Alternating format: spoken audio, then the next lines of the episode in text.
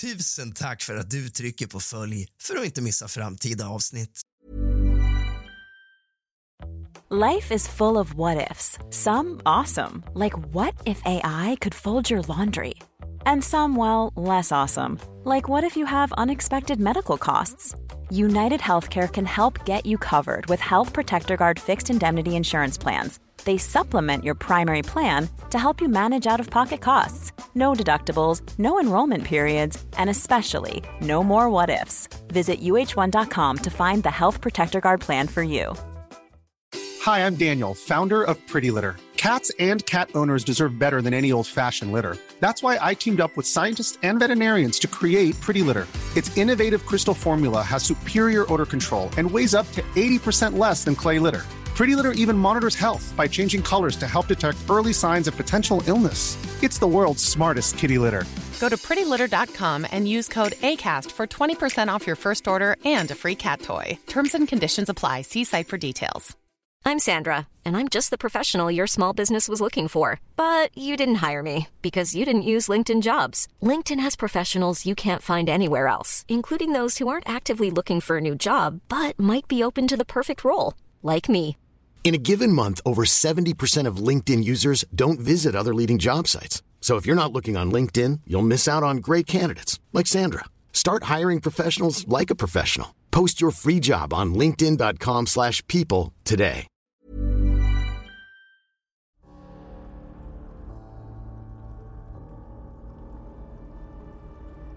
God afton din lilla fegis och kallt välkommen tillbaka ska just du vara till kusligt, rysligt och mysigt.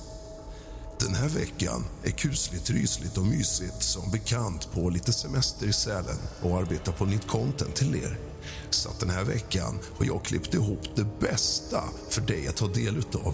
Och varje dag är det ett nytt tema som står på tapeten. Först ut var mord och sen fortsätter vi. Idag ska du få ta del av ännu ett avsnitt. Vill du sponsra podden via Swish så får man jättegärna göra det. 076 833 1412. På så vis så hålls podden gratis och inga medlemssidor behövs där det bjuds på exklusivt content för medlemmar. Sätt dig ner din fegis med någonting varmt att dricka.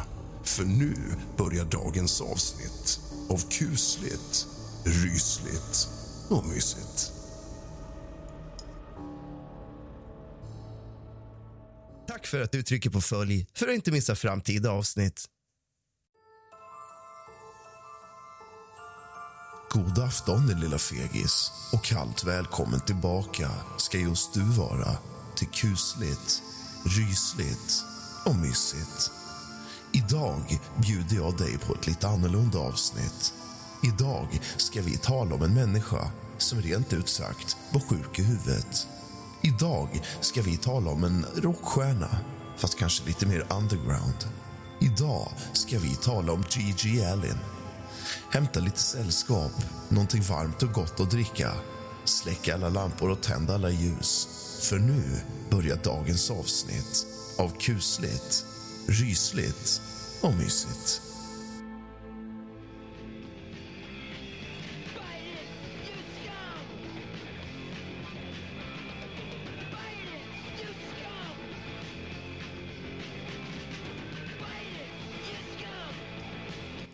Kevin Michael G.G. Allen, född Jesus Christ Allen den 29 augusti 1956 var en amerikansk punkrockmusiker som uppträdde och spelade in med många grupper under sin karriär. Allen var mest känd för sina kontroversiella liveframträdanden som ofta innehöll gränsöverskridande handlingar, bland annat självstympning avföring på scenen och övergrepp mot publikmedlemmar vilket han arresterades och fängslades för vid flera tillfällen. All Music kallade honom för den mest spektakulära degenererade i rock'n'roll-historien medan G4 TV's That's Tough betecknade honom som den tuffaste rockstjärnan i världen.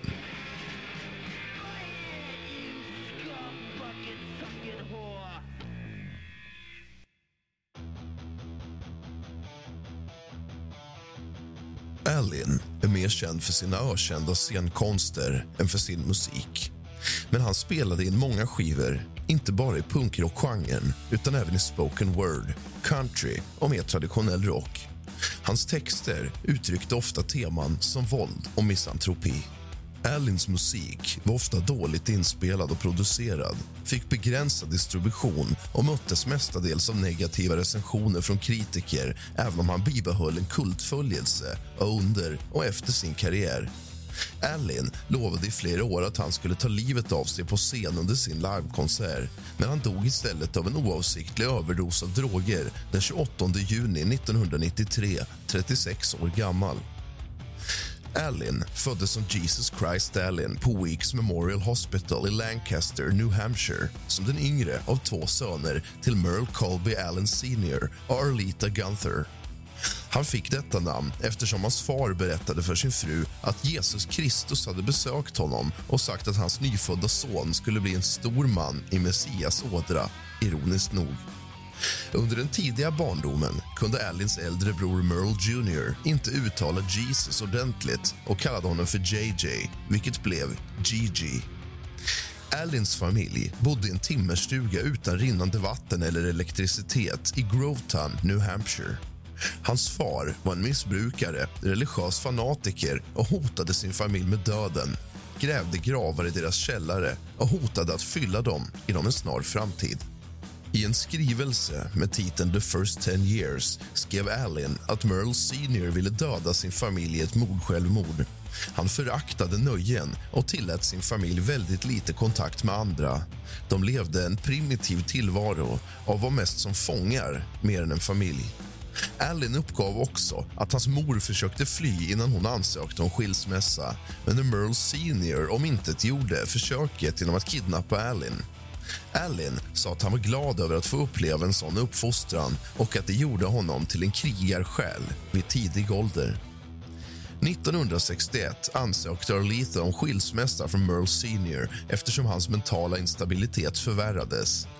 Allen och hans bror uppfostrades från och med den tiden av sin mor och styvfar och bosatte sig 1966 i East St. Johnsburg i Vermont 1966. Allen, som var en dålig elev, placerades i specialklasser och fick gå om tredje klass. Enligt sin äldre bror upplevde han mobbning av kamrater för sin avvikelse. Under sitt andra år i gymnasiet började han gå i skolan i kvinnokläder vilket han sa var inspirerat av New York Dolls. När Allen fick frågan om sin barndom sa han att den var väldigt kaotisk full av chanser och faror. Han sa att de sålde droger, stal och bröt sig in i hus och bilar. De gjorde vad de ville för det mesta, inklusive alla band de spelade i. Folk hatade dem, till och med på den tiden. Allins tidigaste musikaliska influenser var 1960-talets British Invasion-band däribland Motte Hoople och Dave Clark Five. I början av 1970-talet blev Alice Cooper ett viktigt inflytande för Allin. Allins tidigaste inspelade musikaliska insatser var som trummis. Han skrev också de flesta av sina låtar på en akustisk gitarr. I mitten av tonåren bildade han och hans äldre bror Merle som spelade basgitarr sitt första band, Little Sisters Date, som varade i lite mer än ett år. Gruppen spelade låtar av Aerosmith, Kiss och andra populära rockband från den tidsperioden. Både Allen och Merle fick ett starkt intresse för punkrock. Ramones, MC5 och Stooges var viktiga influenser för Allen. Han tog examen från Concord High School i Concord, Vermont 1975 och bildade kort därefter bandet Malpractice tillsammans med sin äldre bror, den lokala musikern Jeff Penny och Brian Dermus. Allen spelade trummor i Malpractice till bandet splittrades 1977. Från september 1977 till april 1984 var han frontfigur för Jabbers Allins debutalbum från 1980 var Always Was, Is Always and Shall Always Be för Orange Records. Förutom att sjunga spelade han trummor på de flesta spåren. Det skulle återutges för första gången på CD 1995 av Haileycon Imprint. Vid ett tillfälle fungerade branschveteranen och Dead Boys-producenten Jenny Ravan som hans manager. Spänningen inom Jabbers ökade i takt med att Allen blev okontrollerbar, kompromisslös och elak. Jabbers upplöstes våren 1984. Deras näst sista spelning var förband för Charged GBH. Allin var frontfigur för många akter under början och mitten av 1980-talet. Detta inkluderar album från Scumfucks, Texas Nazis och Cedar Street Sluts. Allin stannade kvar i den underjordiska hardcore-scenen men var ändå inte en del av den östkustska hardcore-scenen. Hans framträdanden i Manchester, New Hampshire gav honom smeknamnet The Madman of Manchester. Allin fick större uppmärksamhet genom ROIRs kassettutgåva Hated in the Nation som innehöll låtar från Allins katalog med Jabbers, Scumfucks och Cedar Street Sluts som inte längre finns i tryck. Bandet innehöll också flera inspelningar från studio under en konsert med ett stjärnband som samlats av producenten Maximum Rock'n'Roll och Allins tidigare beskyddare Michael Board. I detta band medverkade Jay Massis från Dinosaur Jr på leadgitarr och Bongwater-skivproducent slash musikern Mark Kramer på bas. I mitten och slutet av 1980-talet var Allin alkoholist och missbrukare I'm Sandra, and I'm just the professional your small business was looking for. But you didn't hire me because you didn't use LinkedIn jobs. LinkedIn has professionals you can't find anywhere else, including those who aren't actively looking for a new job but might be open to the perfect role, like me. In a given month, over 70% of LinkedIn users don't visit other leading job sites. So if you're not looking on LinkedIn, you'll miss out on great candidates like Sandra. Start hiring professionals like a professional. Post your free job on linkedin.com/people today. Quality sleep is essential. That's why the Sleep Number Smart Bed is designed for your ever evolving sleep needs. Need a bed that's firmer or softer on either side? Helps you sleep at a comfortable temperature? Sleep Number Smart Beds let you individualize your comfort so you sleep better together. JD Power ranks Sleep Number number 1 in customer satisfaction with mattresses purchased in-store. And now, save 50% on the Sleep Number limited edition Smart Bed for a limited time. For JD Power 2023 award information, visit jdpower.com/awards. Only at a Sleep Number store or sleepnumber.com. A lot can happen in the next three years. Like a chatbot may be your new best friend. But what won't change? Needing health insurance. United Healthcare Tri Term Medical Plans are available for these changing times. Underwritten by Golden Rule Insurance Company, they offer budget friendly, flexible coverage for people who are in between jobs or missed open enrollment. The plans last nearly three years in some states, with access to a nationwide network of doctors and hospitals. So, for whatever tomorrow brings, United Healthcare Tri Term Medical Plans may be for you. Learn more at uh1.com. i allmänhet alla droger som han fick tillgång till. Allen avfördes ifrån från och med första gången på scenen 1985 vid en spelning i Peroa, Illinois. Enligt artistkollegan Bloody Mess så sa han att han var med honom när han köpte X-Lax som är laxeringsmedel. Tyvärr åt han det timmarna före showen så han var ständigt tvungen att hålla det inne annars skulle han ha skitit på sig när han kom upp på scenen. Efter att han hade skitit på scenen utbröt fullständigt kaos i salen. Alla de gamla männen som ansvarade för salen blev helt galna. Hundratals förvirrade punkungdomar flippade ur och sprang ut genom dörren för lukten var otrolig. Avföring blev en regelbunden del av hans scennummer. Allen avgudade countrymusiklegenden Hank Williams och såg sig själv som en själsfrände. Båda var relativa ensamvargar och outsiders. Båda var vana användare av berusningsmedel. Båda levde med få, om ens några, ägodelar och båda reste obevekligt runt i landet. Allins akustiska produktion, dokumenterad på EPn The Troubled Troubadour var starkt influerad av Williams. Han spelade in sina egna omgivningar av Hank Williams Jr.'s Family Tradition och David Allen Coes Long-Haired Redneck och kallade sina egna versioner för Scumfuck Tradition respektive Outlaw Scumfuck. Senare släppte Allen även ett annat countryalbum, Carnival of Excess hans mest raffinerade uppsättning inspelningar.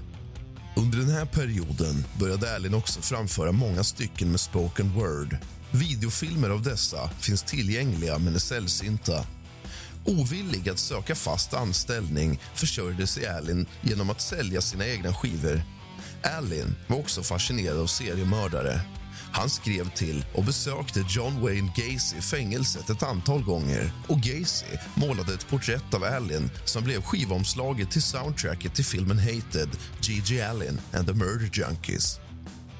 Vid det här laget stoppades Allens framträdanden som ofta resulterade i betydande skador på lokaler och ljudutrustning regelbundet av polis och lokalägare och efter bara några låtar så stoppades ofta konserterna. Alin anklagades för misshandel och misshandel eller oanständig exponering ett antal gånger. Hans ständiga turnerande stoppades endast av fängelsevisiter eller långa sjukhusvistelser för brutna ben, blodförgiftningar och andra fysiska trauman. En annan attraktion för Allins framträdanden var hans ständiga hot om självmord. 1989 skrev Allen till Maximum Rock'n'Roll att han skulle begå självmord på scen på Halloween 1989. Han satt dock i fängelse när den dagen kom han fortsatte sitt hot varje följande år men hamnade i fängelse varje följande halloween. När han fick frågan varför han inte fullföljde sina hot svarade Alin med Gigi får man inte vad man förväntar sig, man får vad man förtjänar. Han sa också att hans självmord endast borde göras när han nått sin höjdpunkt för att möta livet efter döden när man är som starkast och inte när man är som svagast. Han svarade också att självmordet inte borde göras förrän man har nått sin höjdpunkt. I juni 1993 gjorde Allen ett framträdande i The Jane Whitney Show. Denna intervju är ökänd för att vara hans sista intervju och för Allens aggressivitet mot publiken. Allen förklarade öppet att han skulle begå självmord och ta sina fans med sig. När Jane frågade honom förtydligade han att han skulle få dem att också begå självmord eller att han skulle döda dem. Allen uppgav också att han vid 35 års ålder kunde ligga med 12, 13 och 16-åriga flickor, pojkar och djur och hävdade att han våldtog både kvinnor och män på sina konserter. I slutet av 1989 arresterades Allen och anklagades för misshandel med avsikt att göra kroppsskada, men mindre än mord av en kvinnlig bekant i Ann Arbor, Michigan. I en psykologisk utvärdering som gjordes som en del av rättegången bedömdes Allen ha minst genomsnittlig intelligens och beskrevs som artig, samarbetsvillig och uppriktig. Den icke namngivna utvärderaren noterade att Allen inte verkade psykotisk och verkade bekväm med sin ortodoxa livsstil. Utvärderaren hävdade dock att Allen var alkoholiserad och hade en blandad personlighetsstörning med narcissistiska, borderline och machocistiska drag. Alin förnekade inledningsvis anklagelserna och hävdade att kvinnan var en villig deltagare i deras sexuella aktiviteter. Alin erkände att han skar henne, brände henne och drack hennes blod men insisterade på att hon gjorde samma sak mot honom. Alin hävdade också att inkonsekvenser i kvinnors uttalanden till myndigheterna stödde hans påtalanden. Domaren i målet höll med om att det fanns betydande inkonsekvenser i kvinnans redogörelse i slutändan förhandlade dock Allen om ett erkännande av den reducerade anklagelsen om grov misshandel och han satt i fängelse från den 25 december 1989 till den 26 mars 1991. Det var under denna tid i fängelse som Allen började känna sig återigen stärkt av sitt liv och sitt uppdrag. Han skrev The G.G. Allen Manifesto under denna period. Efter sin frigivning från fängelset hoppade Allen över villkorlig frigivning för att ge sig ut på en ny turné varav material filmades för Todd Phillips dokumentär Hated, G.G. Allen and the Murder Junkies. Filmen innehöll grafiska scener från ett framträdande som Allen gav på rockklubben Space at Chase East Village på Manhattan. En kraftigt berusad Allen klädde av sig naken, sket på golvet torkade bajs på sig själv och kastade bajs på publiken. Han kastade ölflaskor, bröt en kvinnas näsa, drog henne i håret misshandlade flera andra personer i publiken. Klipp från andra framträdanden ingår, liksom intervjuer med Allen, hans band och deras fans. Filmen släpptes 1993 och följdes senare upp på dvd 1997. 1991 spelade Gigi in ett album med titeln Murder Junkies som släpptes av New Rose Records med Anticene som hans bakgrundsband. Skivan innehöll tio musikaliska spår och tio stycken med talade ord. Förutom Freaks, Faggots, Drunks and Junkies ansåg Allen att detta album var det som mest exakt beskrev hans personlighet och uttalade livsfilosofi. Det var också under denna period som Allen spelade in albumet War in my head, I'm your enemy som släpptes på Awareness Records och där bandet Shrink Rap medverkade. Just detta album består av ett 45 minuters spår som är ett collage av talade ordstycken huvudsakligen från samma inspelningar som Murder Junkies som Shrink Rap satte musik till.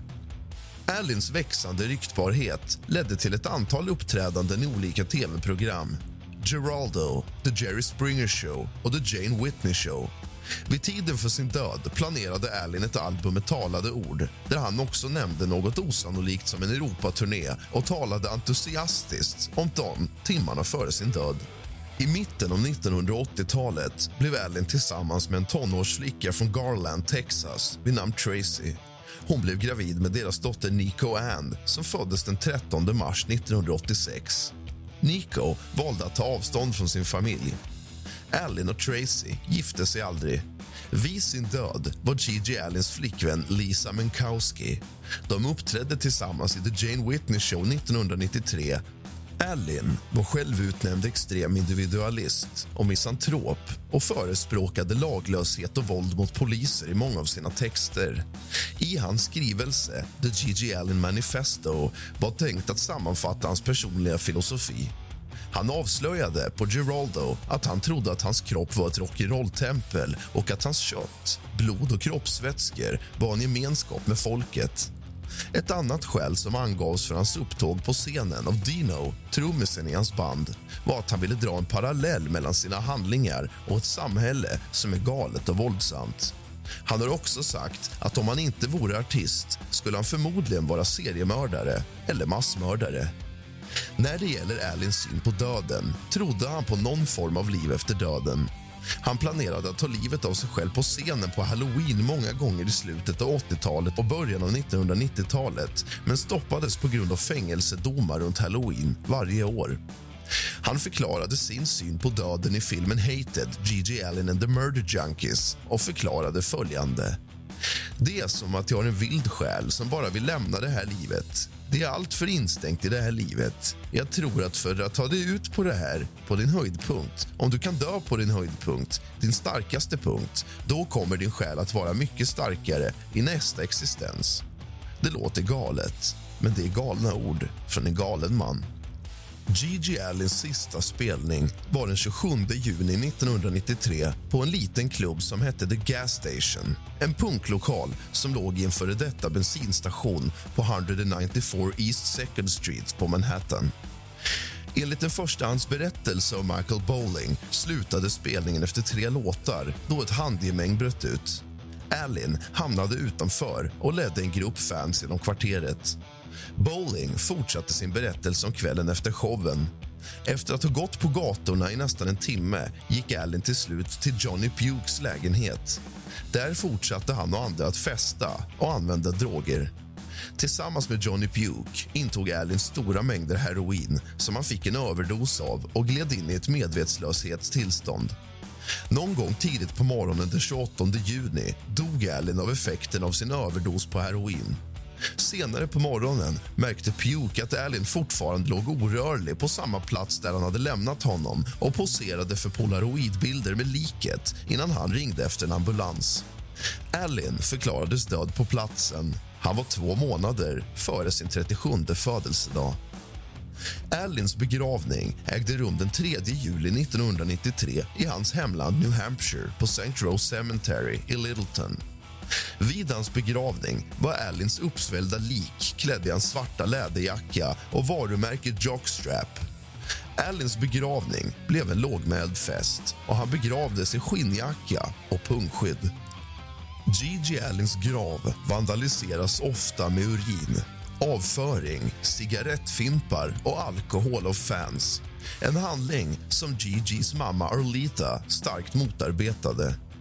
2010 togs hans gravsten bort efter att den slagits av från socken av ett fan. Gigis bror hade precis flyttat och hans mamma åkte till Florida över vintern medan detta hände. Hank Williams, den tredjes album Damn Right, Rebel Proud från 2008 innehåller låten PFF där raden “This song is written and dedicated for G.G. Allen” uttalas i början. Den 13 december 2018 hade Showtime premiär för dokumentären Gigi Allin från 2017 All in the Family som dokumenterade Allins liv, karriär och död och hur hans bror och mamma klarade av hans död 20 år senare. Brottaren Darby Allins ringnamn är härlett från namnen Gigi Allin och Darby Crash. Du har lyssnat på ett avsnitt av kusligt, rysligt och mysigt av och med mig, Rask. Sov gott.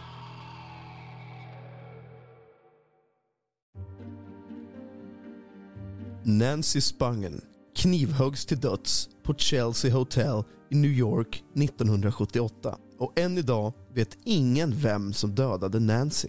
Ett citat av Nancy själv. Jag kommer inte bli 21 år gammal. Jag kommer aldrig bli gammal. Jag vill inte bli ful och gammal. Jag är en gammal dam nu i alla fall. Jag är 80 år. Det finns inget kvar. Slutcitat. När Nancy Laura Spangen föddes den 27 februari 1958 i Philadelphia, Pennsylvania visste hennes mamma Deborah genast att något var annorlunda med hennes barn. Under förlossningen hade Nancys navelsträng fallit ihop vilket berövade spädbarnet syre. Hon kom ut blå. Efter åtta dagars sjukhusvistelse tog Deborah och Frank med spänning hem sin dotter. Stämningen i Spangens hem skiftade från spänning till oro när Nancy inte slutade gråta. Enligt Deborahs memoarer And I don't want to live this life grät Nancy inte bara, hon skrek. Och hon slutade inte. Deborah tog sitt barn till barnläkaren flera gånger. De försökte med olika lugnande metoder, bland annat att gråta ut. Men ingenting fungerade. Och när Nancy var tre månader gammal skrev läkaren ut fenobarbital, bara några droppar på hennes tunga vid behov. Så började Nancys kärleksaffär med substanser. Nancy behövde ofta droppar på tungan. Dosen skulle hålla henne sömnig i några timmar. När hon vaknade upp var hon inte bara i ett konstant tillstånd av oro och rörelse. Hennes föräldrar hade svårt att hålla jämna steg med barnet. Nancy hade inget intresse av att sakta ner och blev stel när hon blev rörd. Debra misstänkte att Nancy hade drabbats av en neurologisk förlossningsskada. Tyvärr fanns denna diagnos inte när Nancy föddes. Vid 11 års ålder blev Nancy avstängd från skolan för att hon skolkade och var allmänt oförbättlig. Hon fortsatte sin utbildning på Devrocks Manor High School, en skola för problemtyngda flickor. En del av problemet var att Nancy hade ett överlägset intellekt. Hon skulle senare hävda att hon hade ett IQ på 172, men det är troligtvis en överdrift. När hon var 15 år gammal diagnostiserade läkaren Nancy med schizofreni. Samma år tog Nancy examen från gymnasiet. Vid 16 års ålder skrev Nancy in sig på University of Colorado och började använda heroin. Ännu en gång blev Nancy arresterad och utvisad efter att ha köpt droger av en polis under täckmantel. Nancys studentrum var fullt med saker som stulits från andra studenter. Efter Colorado-fiaskot försökte Nancy begå självmord och tillbringade en tid på mentalsjukhus. Nancys föräldrar gjorde allt i sin makt för att rädda sin dotter. Samtidigt hade de två mycket typiska barn som ofta fick ta emot Nancys våldsamma utbrott. Frank och Deborah gjorde sitt bästa för Nancy men till slut var de tvungna att göra det som var bäst för sig själva och sina andra barn och låta Nancy gå sin egen väg. Nancy bestämde tillsammans med sina föräldrar att det bästa för henne var att åka till New York. Där blev hon bekant med punkscenen. Hon var bara 17 år gammal men fick ett jobb som strippa för att försörja sig själv och ha pengar till sitt eskalerande drogmissbruk. För detta ändamål vände hon sig ibland till prostitution. Nancy utvecklade en förälskelse i Jerry Nolan från Heartbreakers. De flesta flickor i den åldern är förälskade i sina favoritkändisar. Få av dem överger sina liv i en het jakt på ett förhållande. Nancy planerade att göra vad som helst för att ta sig in i deras värld. Hon blev en fast gäst på klassiska New York-ställen som CBGB's, Max's, Kansas City. Fram tills dess hade Nancy varit en vanlig tjej med brunt hår och några extra kilon. Inte oattraktiv, men hon hade inte samma utseende som andra groupies. I New York började Nancy sin metformos från en töntig wannabe till en punklegend. Hon blev ett bombnedslag med blekblont hår, smutsigt smink, klädd i trasiga nätstrumpor och grymma djurtryck som leopard och zebra. Äntligen såg Nancy ut som hon kände sig inombords. Trots att hon knappt hade lämnat tonåren skulle Sex Pistols-sångaren Johnny Rotten senare beskriva Nancy som en elak gammal ko. Nancy omgav sig med människor som såg ut och talade som hon gjorde men hon fann inte den acceptans hon längtade efter. New York-publiken tyckte att Nancy försökte för mycket och att hennes personlighet var för intensiv till den grad att de mådde illa av henne. Och hon kallades ofta “nauseating Nancy”. När Heartbreakers åkte till London följde Nancy med. Olyckligtvis för henne gjorde Jerry Nolan det fullständigt klart att han inte var intresserad av henne. Nancy tyckte mycket om att vara en del av Londonpubliken och hon bestämde sig för att stanna ändå. Nancy var allt som en typisk punkrockare var. Oberäknelig, aggressiv, egensinnig och benägen att ta till våldsamma anfall. Punkscenen i London bad aldrig Nancy att sluta rasa mot livet. De accepterade henne inte heller helt och hållet. Hon hade inte samma grymma och fattiga uppväxt som hennes brittiska motsvarigheter hade. Hennes familj var övre medelklass, välbärgad, judisk-amerikansk familj. Hon var otrevlig och högljudd med en fruktansvärd låtsas brittisk brytning. När hon så småningom fick tag på en knarklangare använde hon heroin för att slingra sig in i den inre kretsen. Hon kunde inte göra det med hjälp av sex, så hon tog sig in med drogerna. Vid den här tiden började Nancy följa ett etablerat engelskt band som hette Sex Pistols och träffade sitt livs stora kärlek, Sid Vicious. I mitten av 70-talet stötte Sex Pistols bort föräldrar och fängslade sina fans över hela Storbritannien. På basen stod punkrockens affischnamn själv, Sid Vicious. Sid föddes som John Simon Ritchie den 10 maj 1957 i Lewisham i södra London. Sids barndom stod i stark kontrast till Nancys. Sids far var vakt vid Buckingham Palace och hans mor var en knarksmugglande hippie vid namn Anne. Nancys föräldrar tillbringade hennes unga år med att aktivt försöka rädda hennes liv. Sids pappa försvann och hans mamma tog med honom på resor till Spanien där hon gömde hasch i hans blöja för att smuggla det över gränsen. När Sid var tonåring var mamman mer en drogkompis för Sid än en mamma. När ödet såg till att Sid och Nancys vägar korsades innebar det döden för dem båda. De flesta av bandmedlemmarna föraktade Nancy men Sid tyckte att hennes äkthet och grusighet var tilltalande. Han var redan lika mycket knarkad som Nancy och paret blev förenade vid höften. Vid midsommar flyttade de in i Sids mammas lägenhet tillsammans Sid och Nancy utvecklade ett passionerat förhållande som var späckat med våldsamheter och övergrepp från båda parter. Trots detta lärde Nancy Sid om att älska och konsten av att vara elak. Sid tog fram en egenskap hos Nancy som förbryllade dem och kände henne bäst. Hon blev omhändertagande på sitt eget förvridna sätt. Sex Pistols turné i Amerika började i början av 1978. Deras manager Malcolm McLaren klargjorde att Nancy inte var välkommen och hon var rasande. Nancy var personen non grata bland Sids vänner och hon kände ingen annan. Folk tolererade Nancy bara för att Sid var i närheten och nu var han i hennes hemland och hon i hans. Sid tyckte först inte mycket om USA. Det var tråkigt. Deras manager bokade in dem på skitställen och osannolika platser där det inte fanns någon publik som ville se dem. Cowboybarer, mitt ute i ingenstans. Malcolm lät bandet turnera i den djupa södern, bibelbältet och Texas för att slutligen hamna i San Francisco. Deras amerikanska publikgrupper var inte helt redo för det ångestfyllda, förvrängda ljudet som bandet gjorde sig känt för i Storbritannien. Hela turnén var en serie skitföreställningar som ofta slutade i slagsmål. När de kom till västkusten hade Sid hittat det enda han uppskattat i USA, riktigt bra heroin. Sids missbruk blev en öm punkt för hans bandmedlemmar som var förvånansvärt rakryggade i detta avseende. Utan Nancy i närheten var de tvungna att sitta barnvakt åt Sid och bara det var ett heltidsjobb. Sex Pistols spelade sin sista spelning den 14 januari 1978 på Winterland Ballroom i San Francisco. Sid, som aldrig kunde spela sitt instrument, dök upp högljudd och arrogant. Sångaren Johnny Rotten avslutade abrupt konserten med en fråga. Har du någonsin fått en känsla av att du har blivit lurad? och stormade av scenen. Sex Pistols upplöstes officiellt kort därefter. Nancy utsåg sig själv till manager för Sid, soloartist som hans manager trodde hon att Sid skulle få mer jobb i USA än i England. Hon försökte ge honom ett nytt varumärke och hon gjorde inget dåligt jobb. Sid kunde inte spela bas men han kunde spela en melodi. Sid och Nancy flyttade in i rum 100 på Chelsea Hotel. Tidigare hemvist för storheter som Arthur Miller och Mark Twain. Rummet blev både deras kärleksnäste såväl som en knarkhåla där alla stans langare och missbrukare samlades. De hittade en metadonklinik och tog sin medicin. Tyvärr slutade de inte att ta gatudroger, inklusive heroin och andra opiater.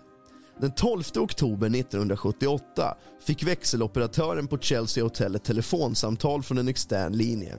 Det är problem i rum 100, förklarade de som ringde och la på luren. Ett andra samtal kom innan piccolonisten han ta sig till rummet. Någon är sjuk, behöver hjälp. Sid minns att han natten innan somnade vid ett-tiden. Det sista han minns var att Nancy satt på sängkanten och lekte med en kniv. De hade just haft ett gräl där Sid slog Nancy och Nancy slog Sid.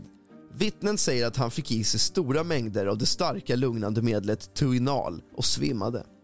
Sid vaknade upp ur sin tuinalberusning runt 10.30 följande morgon och trodde först att han hade urinerat på sig själv men insåg snabbt att vätskan han kände var blod.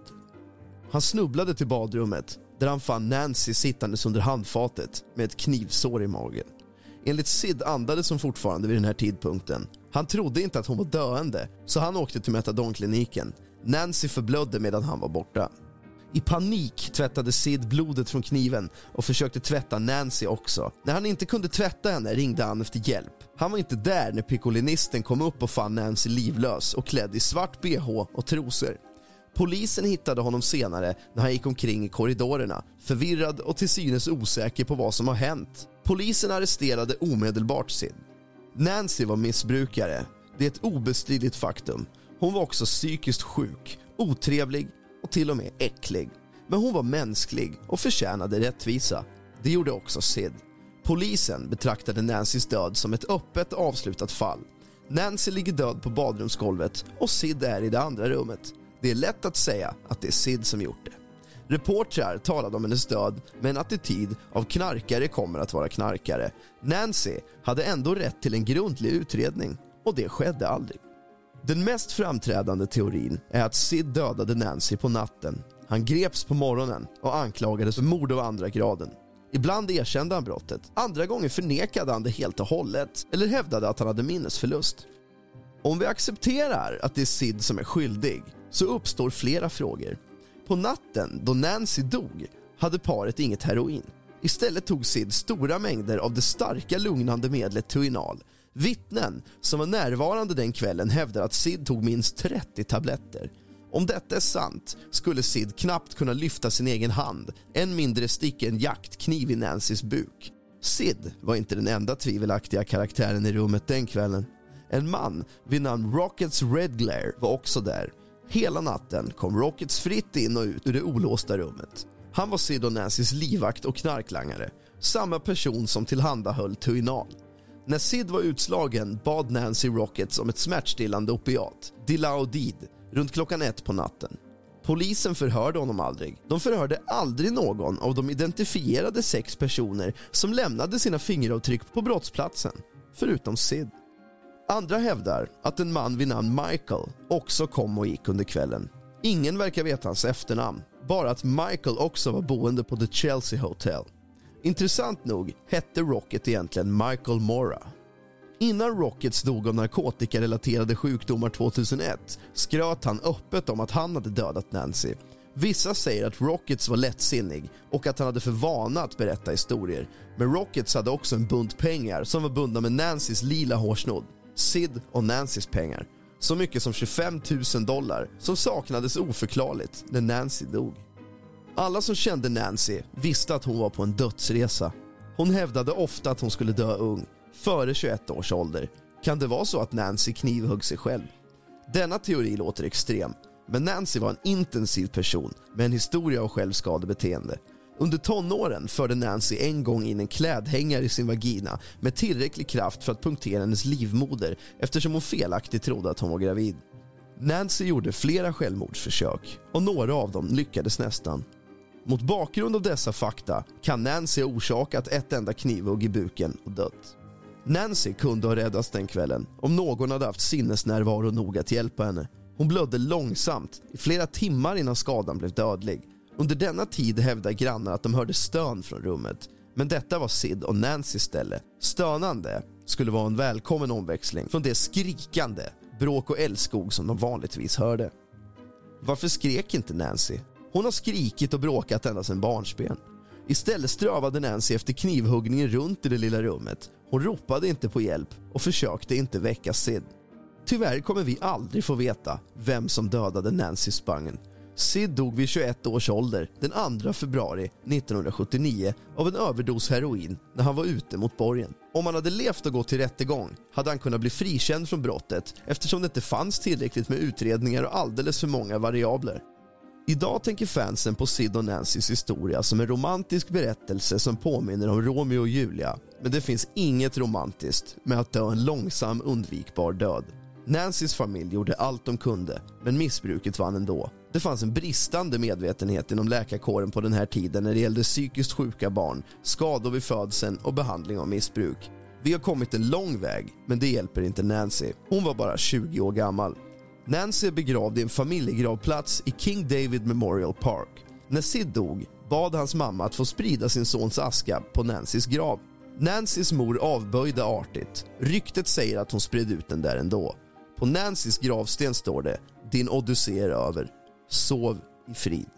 Du har lyssnat på avsnitt 5 av Kusligt, rysligt och mysigt med mig, Rask.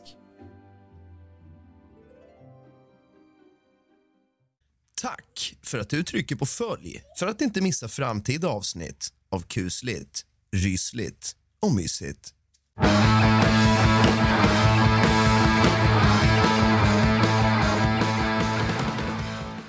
Han spenderade bara 21 år på jorden och han har varit död i hela 43 år. Even when we're on a budget we still deserve nice things. Quince is a place to scoop up stunning high-end goods for 50 to 80% less than similar brands.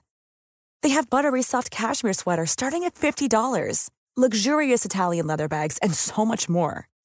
Plus, Quince only works with factories that use safe, ethical, and responsible manufacturing.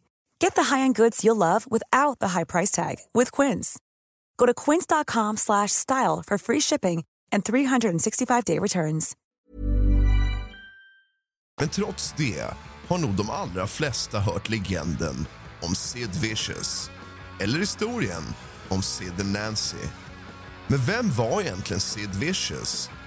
Dagens avsnitt ska handla om punkhistoriens absolut största legend någonsin.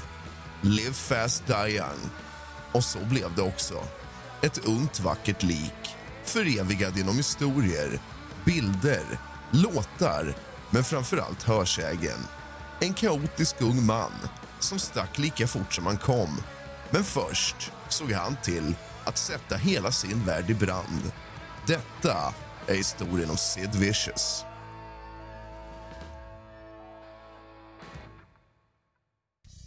John Simon Ritchie föddes den 10 maj 1957 i Lewisham som son till John och Ann Ritchie.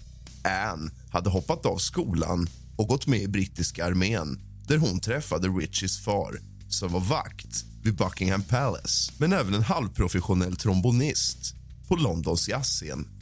Kort efter att Richie föddes flyttade han och hans mor till Ibiza där de väntades få sällskap av hans far som aldrig dök upp och aldrig heller gav dem något ekonomiskt stöd. Anne fick sälja marijuana för att klara sig.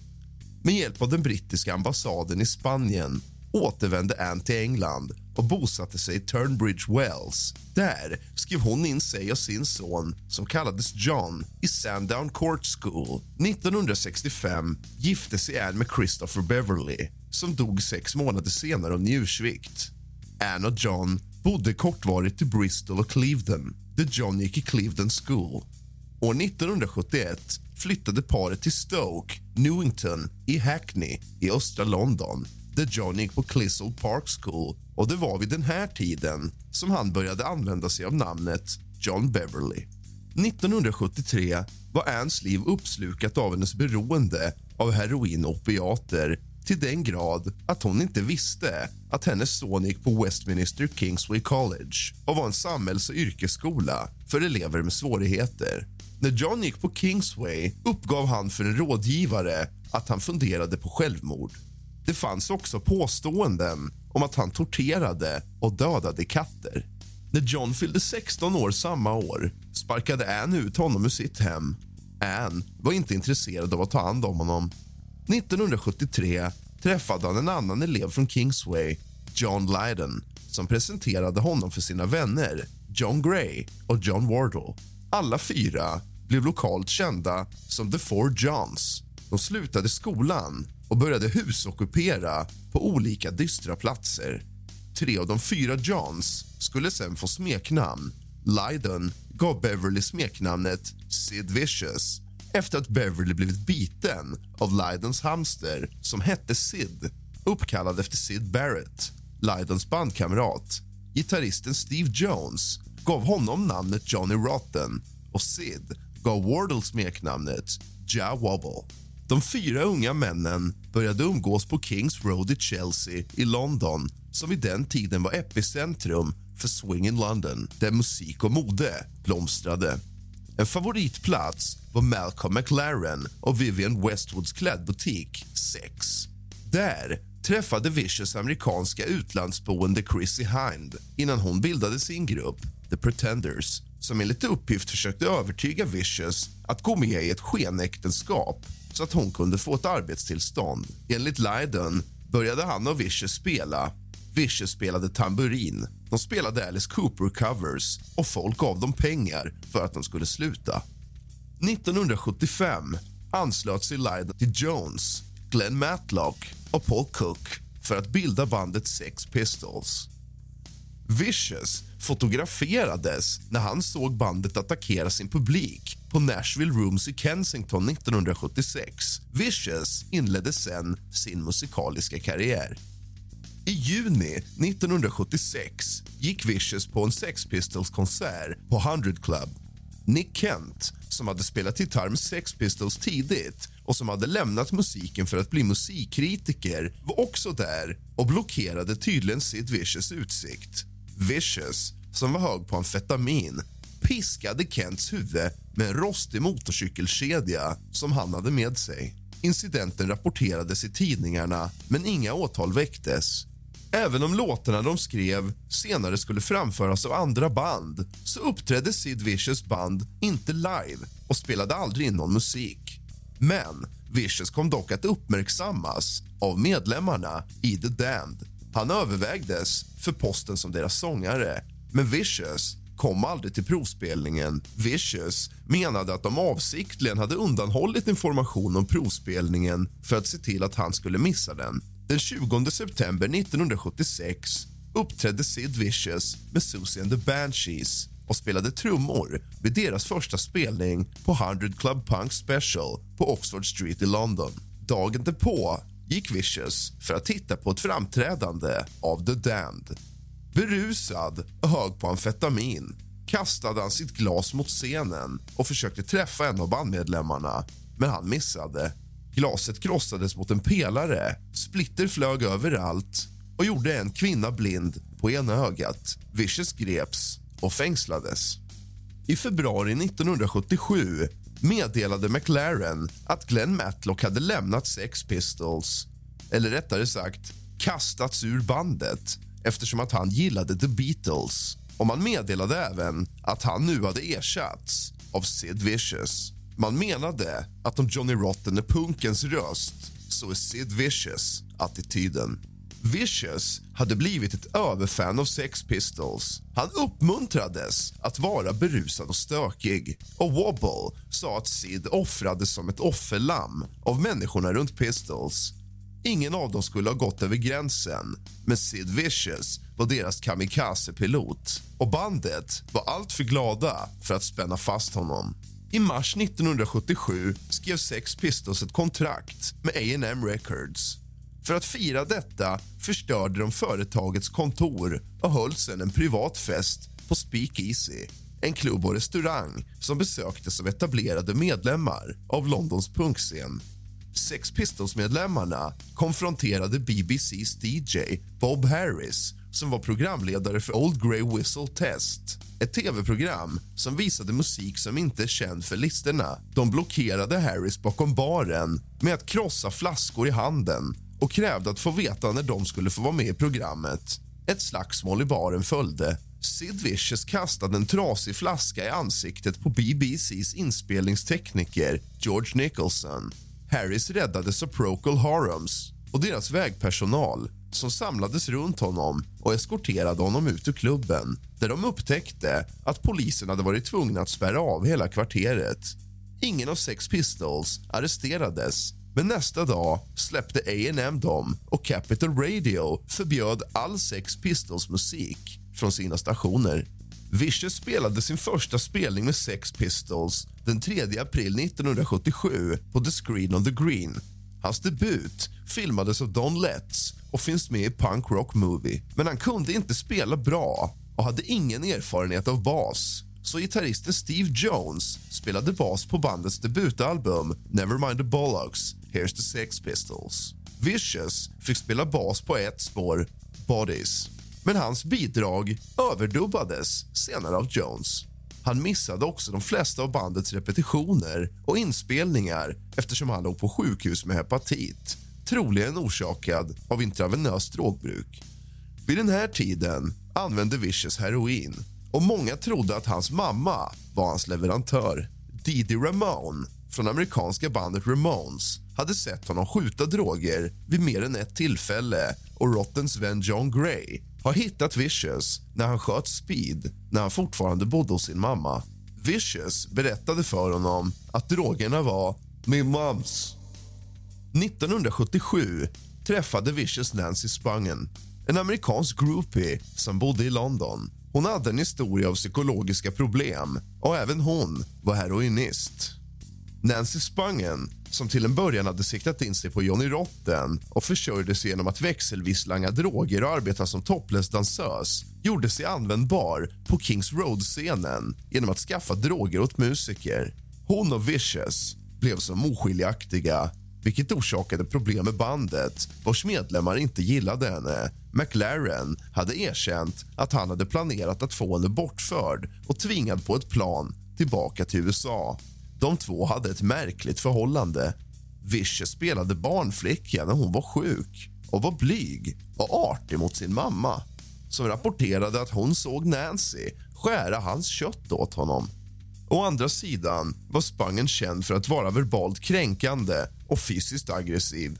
Från och med juli, med Spangen i släptåg gick bandet på en skandinavisk turné och turnerade sedan i Holland och Storbritannien. 28 oktober 1977 släpptes deras enda album Nevermind the Bollocks, Here's the Sex Pistols. Och delvis på grund av ryktbarhet och trots försäljningsförbud hos de stora återförsäljarna debuterade albumet på första plats och på den brittiska albumlistan blev den guld den 17 november. Den förblev en bästsäljare i nästan ett år och låg 48 veckor på topp 75. Det anges ofta som det mest inflytelserika punkalbumet genom tiderna. I januari 1978 gav sig Sex Pistols ut på en tvåveckors turné i USA. Det fanns stigande spänningar inom bandet Rotten pratade knappt med någon. Warner Brothers, som organiserade och bemannade turnén insisterade på att Vicious skulle rensa upp sitt heroinmissbruk så han gick på metadon. Han befann sig i ett konstant tillstånd av halvt abstinens och var rasande över att bandet hade hindrat Spangen från att följa med på den här turnén. McLaren hade länge hållit Vicious på en ranson på 14 dollar i veckan men han lyckades ändå hitta droger. För att göra saken ännu värre bokade McLaren, som alltid var ivrig efter mer kaos och noga med att journalisterna var på plats, bandet inte till klubban i New York utan till barer i Louisiana, Georgia, Tennessee och Texas. I San Antonio den 8 januari kände sig Vicious retad av en publikmedlem och slog därför honom i huvudet med sin bas. Innan Sex Pistols intog scenen på Longhorn Ballroom i Dallas den 10 januari ristade Vicious in orden “Gimme a fix” i bröstet med en rakhyvel. Han hälsade på publiken genom att kalla dem cowboybögar. I gengäld fick han burkar med öl i huvudet. Nästa kväll, den 11 januari, slog han hål på Greenrooms vägg efter bandets spelning på Kanes Ballroom i Tulsa. Det ryktades länge att vid deras spelning den 14 januari på Winterland Ballroom i San Francisco brydde sig Vicious inte om att koppla in sin bas. Den 10 januari gick Vicious ombord ett plan från San Francisco till New York. När planet landade på JFKs flygplats hade han hamnat i koma orsakad av diazepam, metadon och alkohol och fördes till ett sjukhus i Queens där läkaren sa till honom att om han inte slutade dricka skulle han vara död inom sex månader. När han skrevs ut återförenades han med Nancy. I april reste de båda till Paris för att filma Sex Pistols mockumentary The Great Rock'n'Roll Swindle där de tillbringade det mesta av sin tid i hotellrum och tog droger. Regissören lyckades få Vicious att delta i produktionen tillräckligt länge för att spela in tre låtar. När Vicious återvände till sitt hotell upptäckte han att Nancy hade svarat genom att skära upp sina handleder.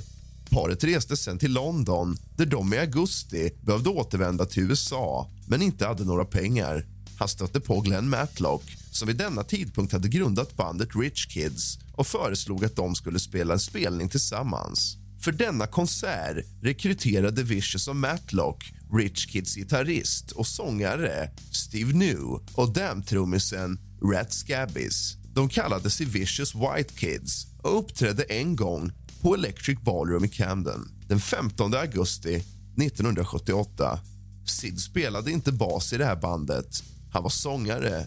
Spangen var med på bakgrundssång men Matlock såg till att hennes mikrofon inte var inkopplad under konserten. Vicious och Spangen återvände sen till New York. Där bosatte de sig i rum 100 på Hotel Chelsea efter att ha orsakat en brand i sitt första rum som Mr and Mrs John Ritchie. Spangen fungerade som hans manager och satte ihop bandet med Steve Dior, Jerry Nolan, Arthur Kane och bokade honom för det mesta på New York-klubbarna Maxes, Kansas City och CBGBs. Spangen sjöng med honom och de fick ibland sällskap av Mick Jones och Johnny Thunders. Han drog stora skaror även om vissa föreställningar var helvetet på jorden. Dior sa att Sid Vicious fick bra betalt för dessa spelningar men Spangen var ändå ofta tvungen att ringa sina föräldrar för att få pengar. I ett av dessa samtal sa Spangen att hon hade problem med sina njurar och bad sin mamma se över om hon och Sid kunde komma in på ett avgiftningsprogram.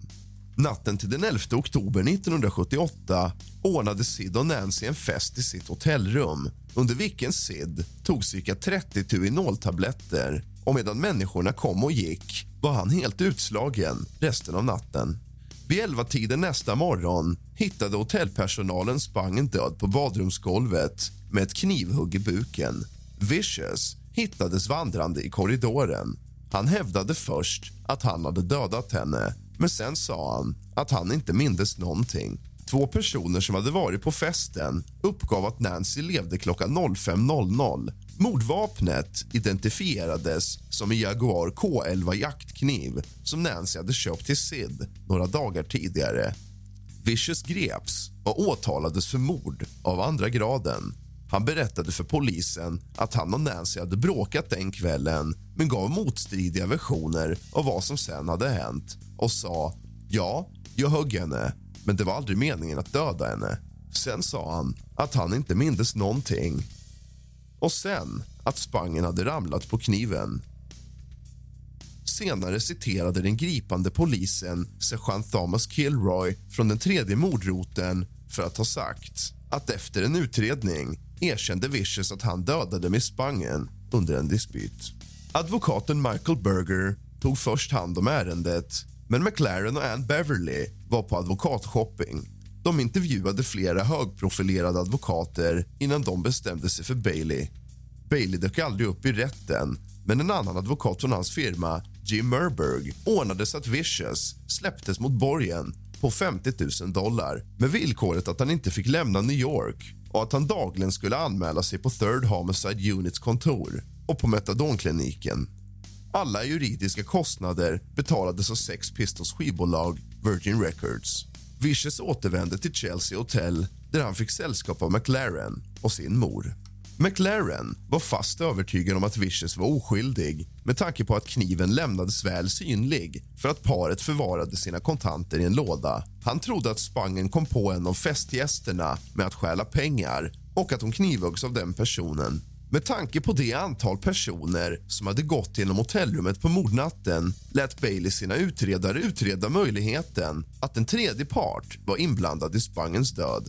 Bailey anlitade också den rättspsykiatriska doktorn Steven Take för att utvärdera Vicious. Efter deras första samtal, under vilket Vicious var upptagen av arbetarklassen i Berlin och förblev fixerad vid tvn sa Take till Anne Beverly att Sid inte fick lämnas ensam. Några timmar senare ringde Beverly till Take och berättade att Sid hade skurit sig i armen med en krossad glödlampa. Take återvände till hotellet och ringde efter en ambulans. Ambulanspersonalen anlände tillsammans med polisen. När Sid såg dem gick han mot fönstret, men hindrades av Take. Han fördes till Bellevue Hospital, men flyttades sedan till ett annat sjukhus. Han släpptes ut den 26 november och återvände till Chelsea. Vid denna tid försökte Rotten kontakta Vicious men hans samtal spärrades av Beverly och McLaren. 28 november intervjuades Vicious av den irländska journalisten Bernard Clark. Han sa att Spangens död var menad att hända och att Nancy alltid sagt att hon skulle dö innan hon var 21. Han sa att han bara ville ha roligt. När han fick frågan var han ville vara svarade han under jorden. Under tiden meddelade McLaren att Sex Pistols skulle återförenas för att spela in ett julalbum till förmån för Sids försvar och sålde t-shirts med sloganen I'm alive, she's dead, jag är din. Vicious hade börjat träffa kvinnor igen. Den 5 december gick Vicious till en nattklubb och hade med sig en dejt och en livvakt. Vicious började under kvällen flörta med en kvinnlig roadie till bandet som spelade. Hon avvisade honom och han nypte henne. Någon sa åt honom att backa. Sid slog då sönder en ölflaska och tryckte in den i personens ansikte så att personen fick sys med fem stygn. Vittnen berättade för polisen att personen hade provocerat Sid och att flaskan gick sönder i hans hand. Den 7 december arresterades Vicious och anklagades för misshandel. Domaren höll med om att Vicious hade brutit mot villkoren för sin tidigare borgen och skickade honom till Rikers Island där han genomgick en tvångsavgiftning. Den 18 januari framträdde Vicious i rätten representerad av Jim Merberg till allas förvåning släppte domaren inte bara Vicious mot borgen på 10 000 dollar utan sänkte även hans tidigare villkor för borgen. Han behövde nu bara rapportera till modroten tre dagar i veckan och behövde inte infinna sig på metadonkliniken alls. Detta mot ett villkor, att Vicious inte skulle besöka nattklubbar. Den 18 januari framträdde Vicious i rätten representerad av Jim Merberg. På morgonen den 1 februari 1979 efter att ha avslutat sitt avgiftningsprogram släpptes Vicious från Rikers Island. När han anlände till Manhattan träffade han av en slump sin gamle vän Gravel. Vicious bad Gravel att hitta heroin åt honom. Gravel tog med sig droger till ett värde av 200 dollar till en lägenhet på 63rd Bank Street. Där träffades han och Vicious, Robinson, Beverly Jerry Only från Misfits och Howie Pyro. Gravel sa att de satt på morgonen och tog droger och att han lämnade lägenheten vid tretiden på natten. Jerry Only sa att han och Ann Beverly lagade middag och att han gick tidigt, då drogbruket började. Han noterade då att Vicious redan höll på att nicka till men Gravel sa ändå att Robinson skulle ge honom fyra tabletter för att hjälpa honom sova. Vicious dog under natten av en drogöverdos. Robinson och Vicious mor upptäckte hans kropp nästa morgon. 1996 berättade en vän till Sid Vicious att ingen begravningsbyrå i hela New York var villig att hålla en begravning på grund av Vicious rykte. Det finns inga bevis för att det här scenariot är sant och det är högst osannolikt. Ann Beverly hävdade att Vicious och Spangen hade ingått en självmordspakt och att Vicious död inte var en olyckshändelse. Hon visade upp ett handskrivet brev som hon sa sig hade hittat i fickan på Sid Vicious skinnjacka där det stod Vi hade en dödspakt och jag måste hålla min halva av avtalet. Var snäll och begrav mig bredvid min baby. Begrav mig i min läderjacka, jeans och motorcykelstövlar. Hej då. Enligt Deborah Spangen skrev Vicious ett brev till henne när han senare var inlagd på sjukhus och skrev ungefär samma sak. Han skrev att de alltid har vetat att de skulle till samma plats när de dog. Han skrev att de ville gärna dö tillsammans, i varandras armar. Hon säger att hon gråter varje gång hon tänker på det. De hade lovat varandra att ta livet av sig om något hände. Spangen var jude och begravd på en judisk kyrkogård i Pennsylvania. Eftersom en interreligiös begravning inte var möjlig kremerades Sids kropp på Garden State Crematory i New Jersey. Enligt Polk frågade Ann Beverly Deborah Spangen om hon kunde sprida Vicious aska över Nancys grav, men Spangen sa nej. Trots detta sa Polk att Jerry Only körde Beverly, hennes systrar och två av Vicious vänner till Nancys gravplats. Där spred Beverly Sids aska. Du har lyssnat på kusligt, rysligt och mysigt. Sov gott.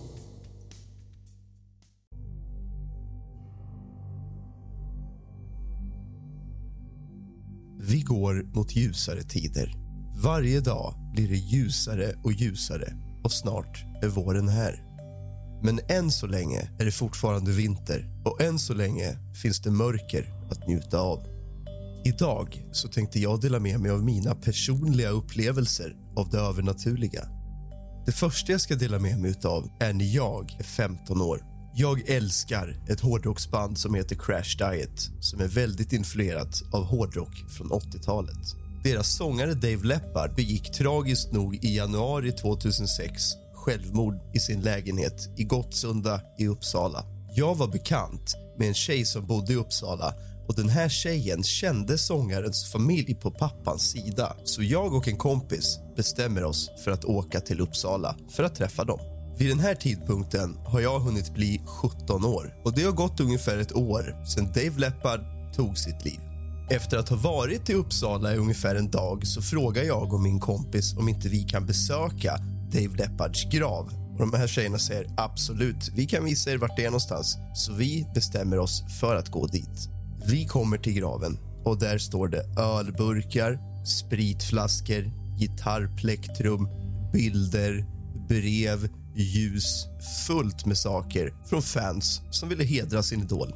Vi satt på graven i säkert en timme och drack folköl och pratade och skrattade och pratade om Crash Diet och konserter vi hade varit på och gångerna vi sett och träffat Dave Leppard. Till slut så börjar vi prata om det övernaturliga och vi säger tänk om han hör vad vi säger nu. Så börjar vi prata och säger till honom att om du hör det här, visa oss ikväll att du har hört vad vi har pratat om. Gör vad som helst. Stäng av eller sätt på tvn. Tänd eller släck lampor eller väsnas eller på något sätt ge oss ett tecken att du har hört och varit här med oss idag. Vi skrattar lite grann och tänker att det blir väl ingenting med det där. Tji fick vi. När vi har kommit hem och varit hemma ett tag så är det dags för att laga mat. Maten äts upp och vi sitter och pratar om allt annat än vad som har hänt under dagen. Vi har släppt det helt. Det är inte ens en tanke i våra huvuden längre. Och efter maten sätter vi oss alla i soffan för att titta på film. Vi sätter på en film. Vad tror ni händer i halva filmen? Tvn stängs av. Tvn sätts på igen och tvn stängs av. Tvn sätts på igen och kanaler byts. Fjärrkontrollen är vi övertygade om att det är någon som har att jävlas ända fram tills att vi ser att den ligger mitt på vardagsrumsbordet. Vi skrattar nervöst och blir livrädda och tjabblar bort det och tänker att det är säkert tekniken som strular och så vidare. Men alla vet ju vad vi sa tidigare under dagen. Väl vid läggdags, mitt i natten, så har vi alla en riktigt olustig känsla i kroppen men vi skojar ändå och försöker lätta på stämningen och beter oss som skitunga gör. Mitt i alltihopa så släcks lampan och tänds igen. En gång, inte flera gånger. Den släcks och den tänds. Han gjorde alltså allting som vi bad honom om att göra för att visa att han hade hört oss. Är detta slumpen och sammanträffanden? För vad är oddsen att vi sitter där just denna dag och kommer hem och allt vi har sagt också händer samma kväll? Om ni tycker om den här podden så får ni mer än gärna lämna en recension, helst fem stjärnor och skriva några välvalda ord. Nu vidare till nästa historia. Vid den här tidpunkten har jag hunnit bli 18 år Och jag har träffat en tjej som är mycket äldre än mig. Hon är 23. Den här kvinnan hade en egen lägenhet där hon bodde tillsammans med sin dotter. Hon hade sett mig på bilddagboken och la till mig på MSN Messenger som är ungefär som Messenger är idag, fast på Facebook, fast mer old school. Så att hon addade mig på MSN och där började vi prata. Efter bara en vecka så bestämde vi oss för att ses. Dottern skulle vara hos pappan och hon kom hem till mig för att min mamma och min bror var iväg på semester och jag var hemma och sommarjobbade på ett äldreboende så jag hade lägenheten för mig själv. Så att hon kom till mig. Vi umgicks och vi pratade hela natten och sen den gången satt vi ihop och jag flyttade in hos henne och hennes dotter efter bara några dagar. Vi hade tidigare pratat om det övernaturliga och om vi tror på det paranormala eller inte. Och Jag hade uttryckt hur skeptisk jag är och hon sa att jag kunde sluta vara skeptisk för att hemma hos henne spökade det till 100 procent. Och detta skulle jag få uppleva senare samma natt. Min första natt i den här lägenheten var helt sjuk. Katterna rev och klöstes och klättrade på oss. De klättrade i gardinerna och satt i gardinstängerna och jamade och skrek på natten och var jätteundliga.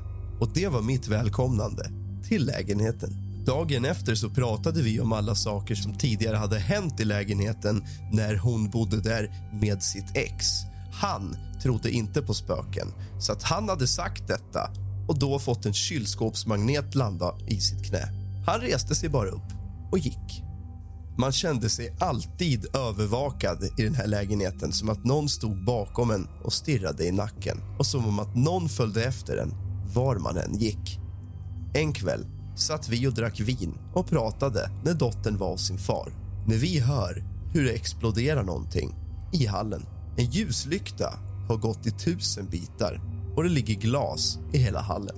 Senare på kvällen så börjar vi fylletjafsa som man ofta gör när man är ung och dum och full. Och vi bråkar om helt värdelösa saker bara som unga par gör när vi helt plötsligt hör hur någon slår näven rakt i bordet där vi sitter. Så pass hårt att en ljuslykta nästan lyfter och studsar i bordet. Som att någon sa att nu får det vara nog. Vi båda blev helt tysta och sa ingenting och blev ganska snart sams igen och gaddade ihop oss mot vad det än var i lägenheten. Senare denna natt så vaknar vi klockan tre på morgonen av att det spelas musik i vardagsrummet. Datorn är avstängd, men högtalarna är på och vridna på full volym trots att vi tidigare hade haft dem på nästan lägsta då vi inte velat väcka grannarna. Men nu står högtalarna och skrålar med musik som vi aldrig någonsin har hört i vardagsrummet och ingen av oss vågar gå ut för att se efter. Men musiken tystnar efter bara några minuter. Dagarna går och jag ligger i soffan och dottern är återigen hos sin pappa. Och Min tjej står i köket och lagar mat. Jag ligger i soffan och tittar på tv när det helt plötsligt kommer en boll skjutandes ifrån hallen som studsar i balkongdörren bakom mig och rullar tillbaka ut i hallen igen. Jag ropar “Vad gör du för någonting?” och hon frågar mig “Vad då?” Från köket kan man inte komma ut i hallen utan att först passera vardagsrummet där jag ligger så att det kan omöjligt ha varit hon och vi var själva i lägenheten. Vad var det som gav denna boll den kraft som den kom med ifrån hallen då denna boll tidigare legat på hatthyllan? Men det läskigaste som hände i denna lägenhet ger mig kalla kårar än idag. Och när jag sitter och berättar detta så har jag gåshud över hela kroppen ända upp på gässan och rysningar längs ryggraden.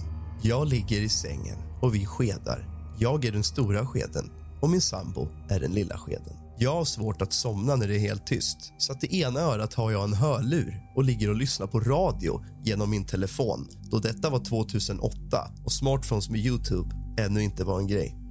Jag har luren i ena örat, det örat som vilar mot kudden så att jag hör vad som händer i rummet med det andra örat. Min tjej sover sedan länge och jag har legat vaken i kanske en timme då jag alltid har haft svårt att komma till ro.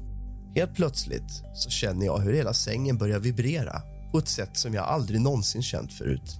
Och Det blir mer och mer intensivt och påtagligt och jag tänker att jag måste nästan drömma det här. Sover jag? Nej, det gör jag inte. Jag är klarvaken. Och Det vibrerar så pass mycket att jag till och med ser min hand och telefonen vibrera mot sängen. Sängen guppar upp och ner, ganska fort, precis som vibrationer, när det helt plötsligt upphör. Det går några minuter och jag känner hur någon sätter sig ungefär vid min rumpa och jag får kalla kårar i hela kroppen när jag berättar detta. Det går en stund och jag känner hur personen sakta lutar sig framåt emot mig och jag fryser till is. Jag känner att en hand sätts ner ungefär bakom min nacke och ett huvud som närmar sig mitt öra och jag hör någon viska på ett väldigt märkligt sätt. Det börjar som en viskning som sedan eskalerar till att nästan vara aggressivt och jag ska försöka imitera vad jag hörde. Alex, hörde jag i mitt öra och jag greps av panik. Jag flög upp ur sängen med ett kaninskutt hoppade jag ur sängen och landade på golvet en meter ifrån dörren som ledde ut mot hallen. Och Jag springer ut mot vardagsrummet och jag tänder lampan och jag sätter på tvn och jag lägger mig i soffan och tittar på tvn och är livrädd. Sen den natten så sov jag aldrig någonsin i sovrummet igen. Varje kväll så sov jag i vardagsrummet med alla lampor tända och med tvn på med volym och jag vågade inte blunda. Jag låg och stirrade rakt in i tv-skärmen. Och när jag en natt låg och stirrade rakt in i tv-skärmen så går det en liten pojke rakt förbi mig. Barnet i den här lägenheten är en liten flicka och hon är hos sin far. Jag gnuggar mig i ögonen och blundar och öppnar igen. Och då är ingen där. Pojken passerade liksom som i revy, som en siluett bara. Man såg liksom inte klart och tydligt utan det var som en, en siluett av en liten pojke på kanske tre år som gick rakt igenom vardagsrummet. Och den sista historien som jag ska dela med mig av ifrån den här lägenheten utspelar sig när dottern var hemma. Mitt i natten så hör vi hur dottern skriker i sitt rum och vi går in för att se efter vad som har hänt. Då sitter dottern på golvet mitt i rummet utanför sin spjälsäng och skriker. Vi går in i rummet och precis när vi gör det så knuffas en ljuslykta ner i golvet från mitt sängbord i sovrummet. Jag har svårt att tro att alla dessa saker har naturliga förklaringar och efter alla dessa år kan jag fortfarande inte hitta ett svar på vad det kan ha varit. Och nu till kvällens sista historia som utspelar sig ungefär samtidigt som denna och med åren så har jag glömt om det är strax innan eller strax efter. Detta var en annan flickvän och denna flickvän bodde i Gävle. Vi hade träffats på ett internetforum som hette Helgon som är ungefär som Lunarstorm fast för hårdrockare och alternativa människor. Till slut så började vi chatta på MSN och byta bilder och prata och till slut så bestämde vi oss att jag skulle besöka henne i Gävle Nästkommande helg så satt jag på tåget till Gävle och väl på stationen så blev jag upphämtad av en tjej som heter Sandra och hennes mamma. I bilen frågar de mig om jag tror på spöken och jag säger att jag vet inte. Jag är skeptisk. Då säger mamman till mig, så där skulle du inte ha sagt. För att personen som finns hemma hos oss tycker om att skoja med skeptiker och där knöt det sig i min mage. Senare den kvällen så umgicks vi med hennes familj och de pratade om den här personen som finns hemma hos dem. Vi gick upp på hennes rum och tittade på tv och drack folköl. Och när natten kom och hon sov så hinkade jag i mig en hel del folköl för att lättare somna. För att det enda som ringde i mitt huvud var orden som mamman hade sagt i bilen på vägen dit. Det där skulle du inte ha sagt. Det där skulle du inte ha sagt. Efter att ha druckit en hel del folköl så var jag väldigt kissnödig men jag vägrade att gå på toaletten, så jag låg och höll mig. Precis innan jag höll på att somna så hör jag hur någon slår i toalettlocket. Inte en, inte två, utan flera gånger. Bang, bang, bang, bang, bang. Det blir helt tyst och jag fryser till is. Jag ligger och lyssnar efter handfatet med någon vattenstråle kom aldrig. Jag la mig under täcket och somnade till slut, svettandes, helt dyngsvettig. Nästkommande morgon vid frukostbordet så frågar hennes mamma hur vi har sovit den natten och jag talar om vad jag har upplevt varpå hon delar sina upplevelser ifrån natten.